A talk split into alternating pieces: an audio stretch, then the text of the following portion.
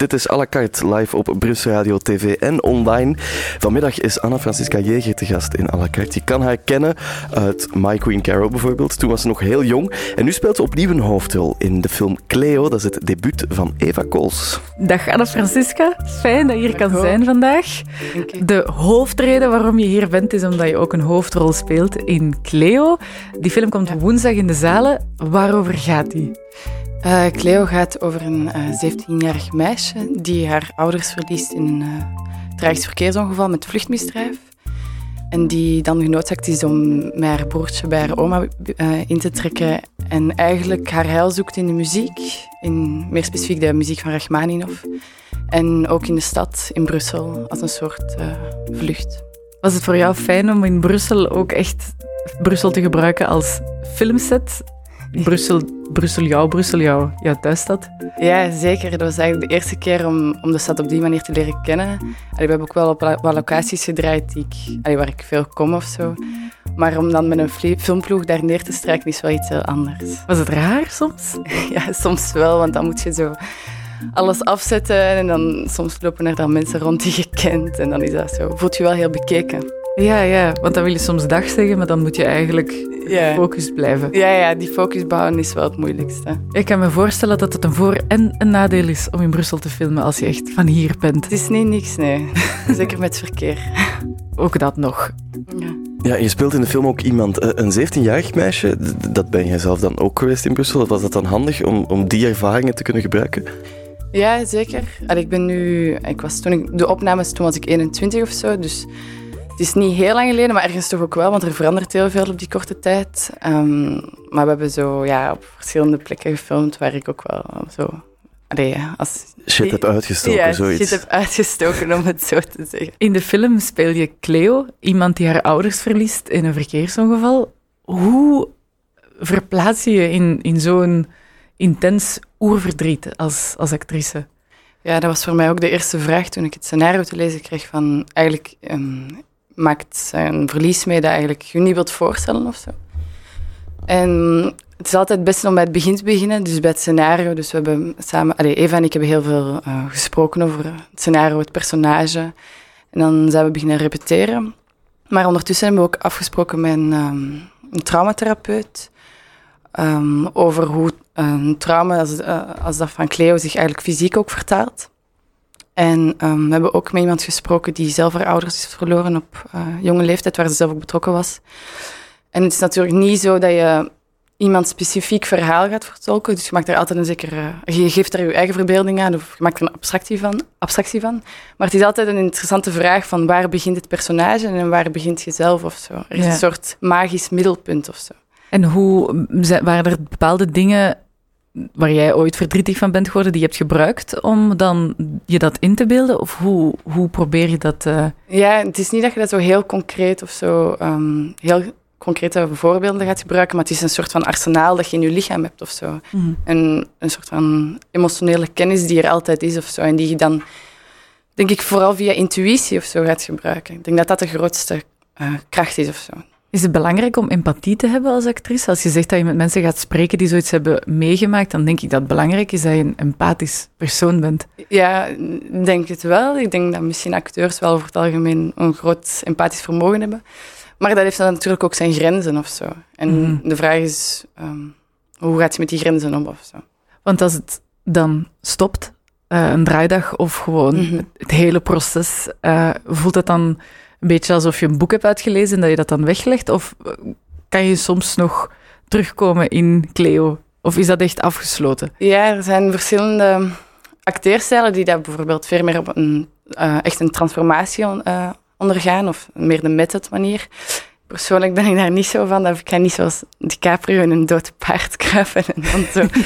maar um, nee, het is voor mij, als de draaidag gedaan is, is dat wel gedaan of zo. Maar ja. het is vooral de, de intensiteit van zo'n werkperiode dat, vooral mee, dat je meedraagt. Niet, per se de, niet per se het personage zelf of zo.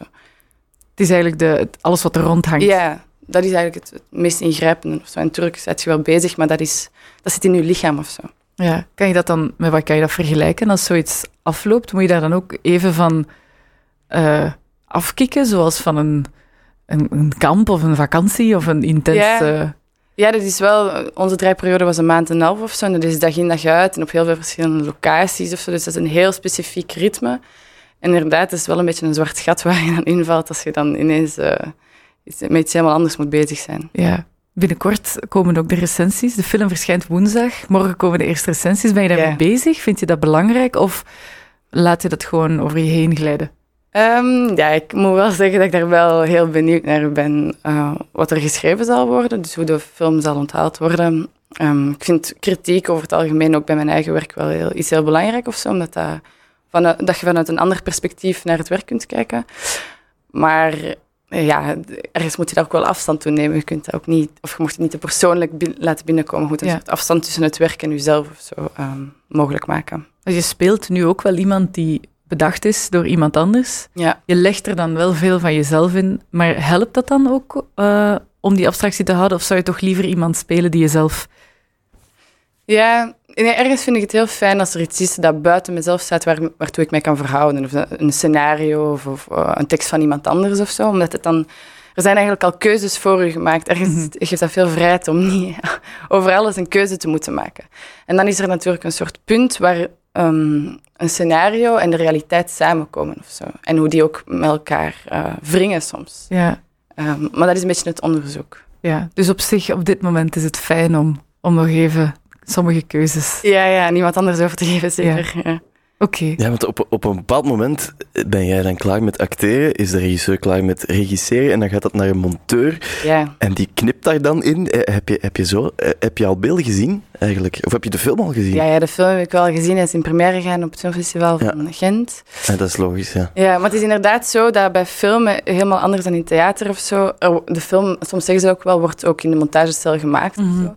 En het is wel een soort van, we moeten een groot vertrouwen hebben dat je eigenlijk je beeld, bij wijze van spreken, overgeeft aan iemand anders. En dat hij of zij beslist welke scènes goed waren en wat niet. Dus dat is zoiets, ja, je moet daar wel even ja. loslaten. Stel dat jij vindt van, dat shot daar staat niet goed op. Je, ja. je, hebt daar niks zeggenschap over, hè? Nee, niks zeggenschap. En ik denk dat dat ook ergens wel goed is, want er is ook wel een zekere ijdelkant aan acteren. ja. Als je zelf uh, zo op groot scherm ziet, dan denk je, nee, dat moet, mens moet eigenlijk niet kunnen zien. Dus het is ook goed dat ik daar niet over beslis. Nee. En je, je was tevreden met, met wat je Ja, gezien zeker. hebt. Ik vind het wel heel bijzonder hoe al die elementen dan samenkomen of zo. Waar ook geen overzicht over hebt als je aan het filmen bent. Nee, se. alles kriskast door elkaar. Ja, ja, ja. À la carte. Ja? Nee. Ben je bescheiden? Ja. Ben je ijdel? Ja. Geef je graag interviews? Ja. Drie keer op een rij. Dus toch bescheiden en ijdel. Een leuke combinatie. Ja, ik denk dat ze er wel allebei zijn. Maar ze zijn wel veel in conflict met elkaar. en soms is het ook zo valse bescheidenheid. En soms is het ook zo, ja. Vind je dat lastig om zo nu in de aandacht te staan met die film? En over jezelf te praten? Ja, soms wel. En vooral als ik de grenzen tussen het persoonlijke en het professionele niet zo goed weet te be allee, bewaren of zo. Ja. En het is ook anders dan zo spelen als, uh, op scène of zo. Dan kun je echt iemand anders zijn. Maar als je dan in de aandacht staat uh, als jezelf, ja, dat is heel verwarrend. Dan vragen mensen jou en niet het personage. Ja, ja, ja.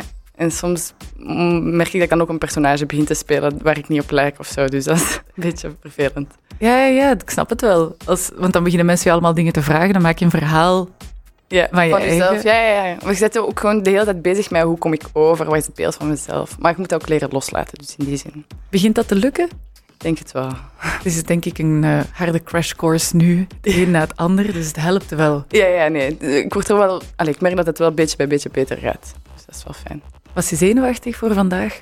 Ja, omdat het live is. ah, maar dat is eigenlijk het minst erge hoor, want wat je zegt gaat weg. Dat verdwijnt ergens. Dat verdwijnt, ja. nee, dat is waar, zoals met theater. Anders dan bij film, daar blijft het voor eeuwig. Allee. Ja, maar ze nemen het ook wel op, natuurlijk. Ah ja, tuurlijk. Ja, en ik, ik, ik maak daar straks ook nog een podcast van. Dus ah, let goed op wat je zegt. Ja, ja, ja. Het blijft voor eeuwig. Shit. Ja, tot, tot, daar onze poging om je gerust te stellen. Ja, maar als je, als je dan bijvoorbeeld zo'n zo, zo interview doet, want je hebt, er, je hebt er een gedaan voor Focuskraak bijvoorbeeld. Ja. Is dat dan, dat bedoel je dan? Met dan, dan maak ik een personage? Ja, Allee, ik weet niet hoe bewust dat gebeurt, maar je bent wel bezig met, met allee, wat wil ik vertellen, wat niet. En dat, ik weet niet, je komt toch, je voelt zo heel, er is een hyperbewustzijn of zo dat zich manifesteert. En lees je dat dan, als dat uitkomt? Ja, ja, ja, zeker. Ik wil het altijd nalezen. ik ben er nogal, ja. Dat snap ik wel. Je wilt ergens toch een beetje de controle houden. Ja, ja het gaat echt, misschien ben ik ook een beetje een controlefreak. Ja, Ja. toch wel. Ja, toch wel, denk ik. Maar ik denk dat dat in jouw soort werk wel van pas kan komen soms. Ja, ik, omdat ik wel zo... Allee, zeker bij artistieke beslissingen of zo wil ik echt 100% zeker weten dat, ik, dat, dat dat is dat ik wil of zo. Ja, anders komt het niet goed over. Nee, nee. Nee, dat, absoluut. Dat kunnen we niet hebben. Je hebt gekozen, je bent actrice nu. Maar Ja. is dat, eh, was het een moeilijke keuze? Ehm, toen ik heel jong was, was ik zo altijd... Ja, ik word actrice. En ik was mezelf de hele tijd aan het opvoeren. Maar dan in middelbaar is dat zo'n beetje verwaterd. Dan zat ik een beetje met mijn kop ergens anders, denk ik. En dan tegen het einde van het middelbaar heb ik toch gezegd van... Oké, of ik word Greenpeace-activiste of zo. Rihanna-groupie, of dat heb ik zo in het jaarboek geschreven. en dan uiteindelijk heb ik toch eh, besloten om toelatingsproef te doen bij de scholen. En ehm, het eigenlijk daarvan laten afhangen. En dan was ik toegelaten op het KASK in Gent. En dan heb ik gezegd, oké, dan doen we dat.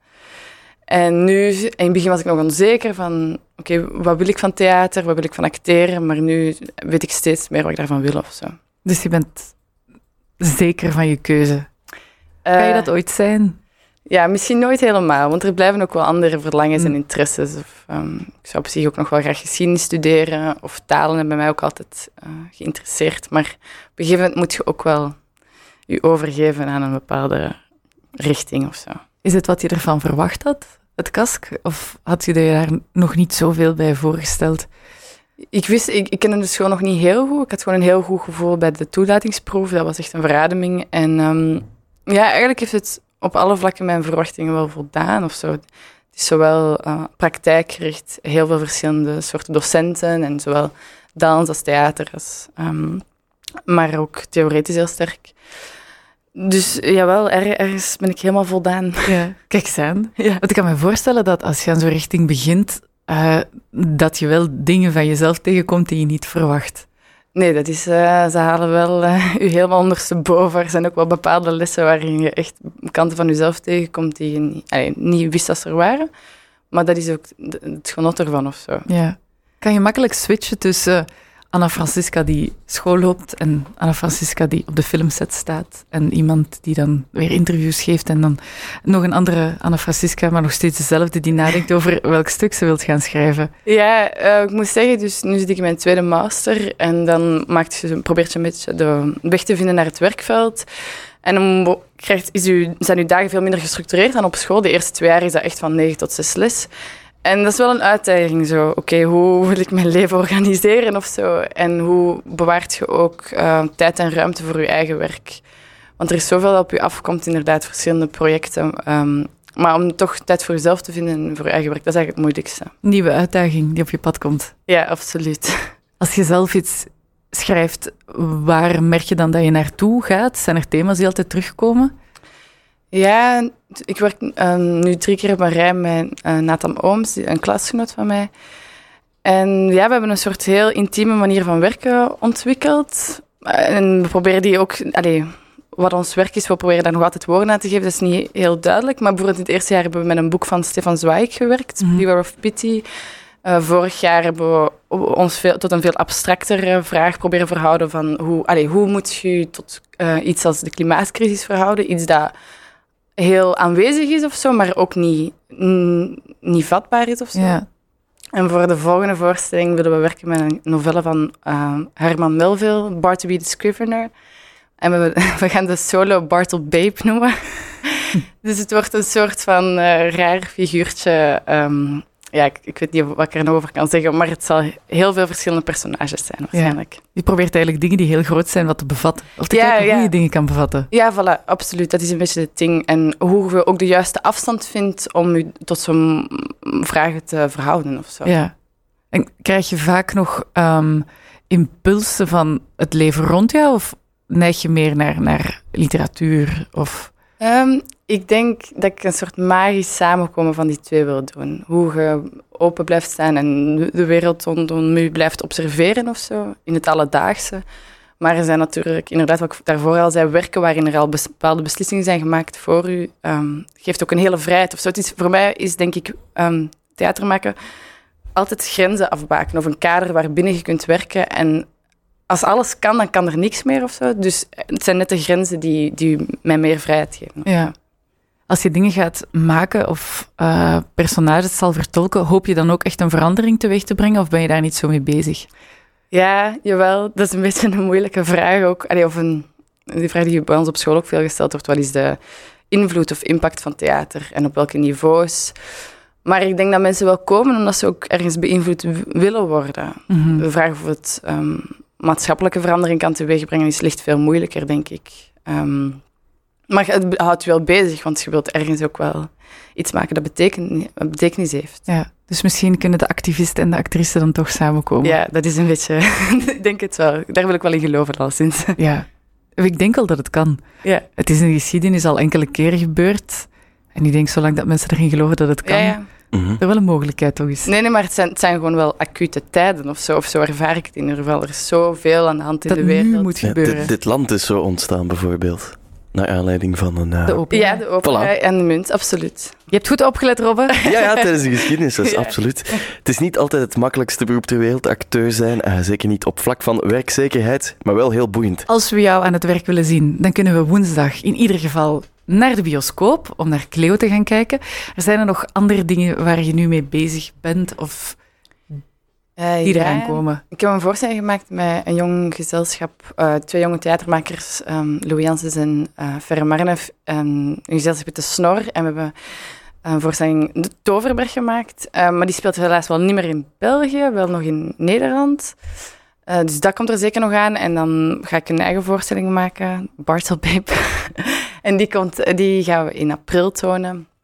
En eh, ja, voor de rest ben ik vooral nog met school bezig. Probeer ik dat nog af te ronden. Ja, moet ook nog gebeuren natuurlijk. Ja, nee, en nog geen nieuwe grote filmprojecten of zo. Dat laat ik allemaal op mij afkomen. Ja. Zijn er dingen waar je zelf nog naar gaat kijken binnenkort, waar je zin in hebt, die je kan aanraden? Voorstellingen of andere dingen. Eh, ik heb mijn even niet, ik kan er even niet op komen. Nee. Dit is even. Maar jij hebt zoveel aan je hoofd op dit Ja. moment dat het een moeilijke vraag is. Ja, ja. Maar Bartel Beep, Ah, jawel, wacht, we Ja? spelen deze week, sorry, eh, komende week spelen wij Michiel van de Velde in eh, de Kai Studios. ah, kijk. Een voorstelling Human eh, Landscape is genaamd. Ja. Ehm, en we werken met een tekst van Nazim Hikmet, dat is een Turkse schrijver, 20e eeuw. Ehm, een heel, heel mooie tekst. Ehm, donderdag en zaterdag spelen we. Waar gaat het over? Ja, dus het is een tekst die eigenlijk een treinreis volgt tussen Istanbul en Ankara, waarin er eigenlijk ehm, eh, gevangenen worden overgebracht. En het volgt eigenlijk een, een soort... eh, doorheen het landschap volgt eigenlijk allemaal gesprekken van de mensen die in de trein zitten. Dagloners, soldaten, arbeiders. Maar er worden ook reflecties gemaakt over de afgelopen twee wereldoorlogen. Dus het is een soort ehm meerstemmigheid of zo. En ehm, het is heel humaan of zo. Het heeft een heel humane kracht. Ehm, het is echt een heel mooie tekst, heel bijzonder. Dat is dus donderdag en zaterdag was ik echt helemaal uit het oog verloren. Geen probleem. Kijk eens aan. Als de mensen willen gaan, een soort tijdscapsule Ja. in een trein. Ja. Donderdag en zaterdag in de KI Studios. Dus Ja. dat is niet aan het KI Theater, want altijd lopen mensen verkeerd. Dat, dat is wel grappig. Als je naar het KI Theater of de KI Studios gaat, dan zie je zo mensen. Ik stond helemaal buiten adem. Wacht. en, constant. en waar is dat dan wel? In de Onze Lieve Vrouw van Vaakstraat. Dat is eigenlijk dicht bij de Papenvest. Zie je zo een fabriekstoren? Ah ja, ja, ja. Daar. Ja. Ja, dankjewel voor de goede wegbeschrijving. Geen probleem. Ja, nu was ik even aan de Onze Lieve Vrouw van Vaakstraat aan het denken. Dat is niet erg. En besef ik dat het eigenlijk voorbij is. Het, het zit erop hierna. Anna Ja. Francisca, heel fijn dat je er was. Nee, Dankjewel. bedankt, maar gewoon Robbe. Dank je. Dankjewel om langs te komen. Mor- eh, wie, wie, wie komt er morgen lang? Eh, morgen krijgen we bezoek van Queen Nicola. Ja, en wie, wie is dat? Want Dat ik, is een, een soort van Queen Nicola. Het zit een beetje in de naam. Het is een soort van alternatieve Sinterklaas. oh, dat wordt boeiend. Ja, ik zeker voel het nu al. En, eh, Boeiend en blink blink. eh, heb je al contact gehad met Queen Nicola? Ja, ze kijkt er naar uit. Brengt ze iets mee? Eh, als je braaf bent, wel ja. Ik ben al heel het jaar braaf geweest. Daar zal zij wel over oordelen. Dat is voor morgen.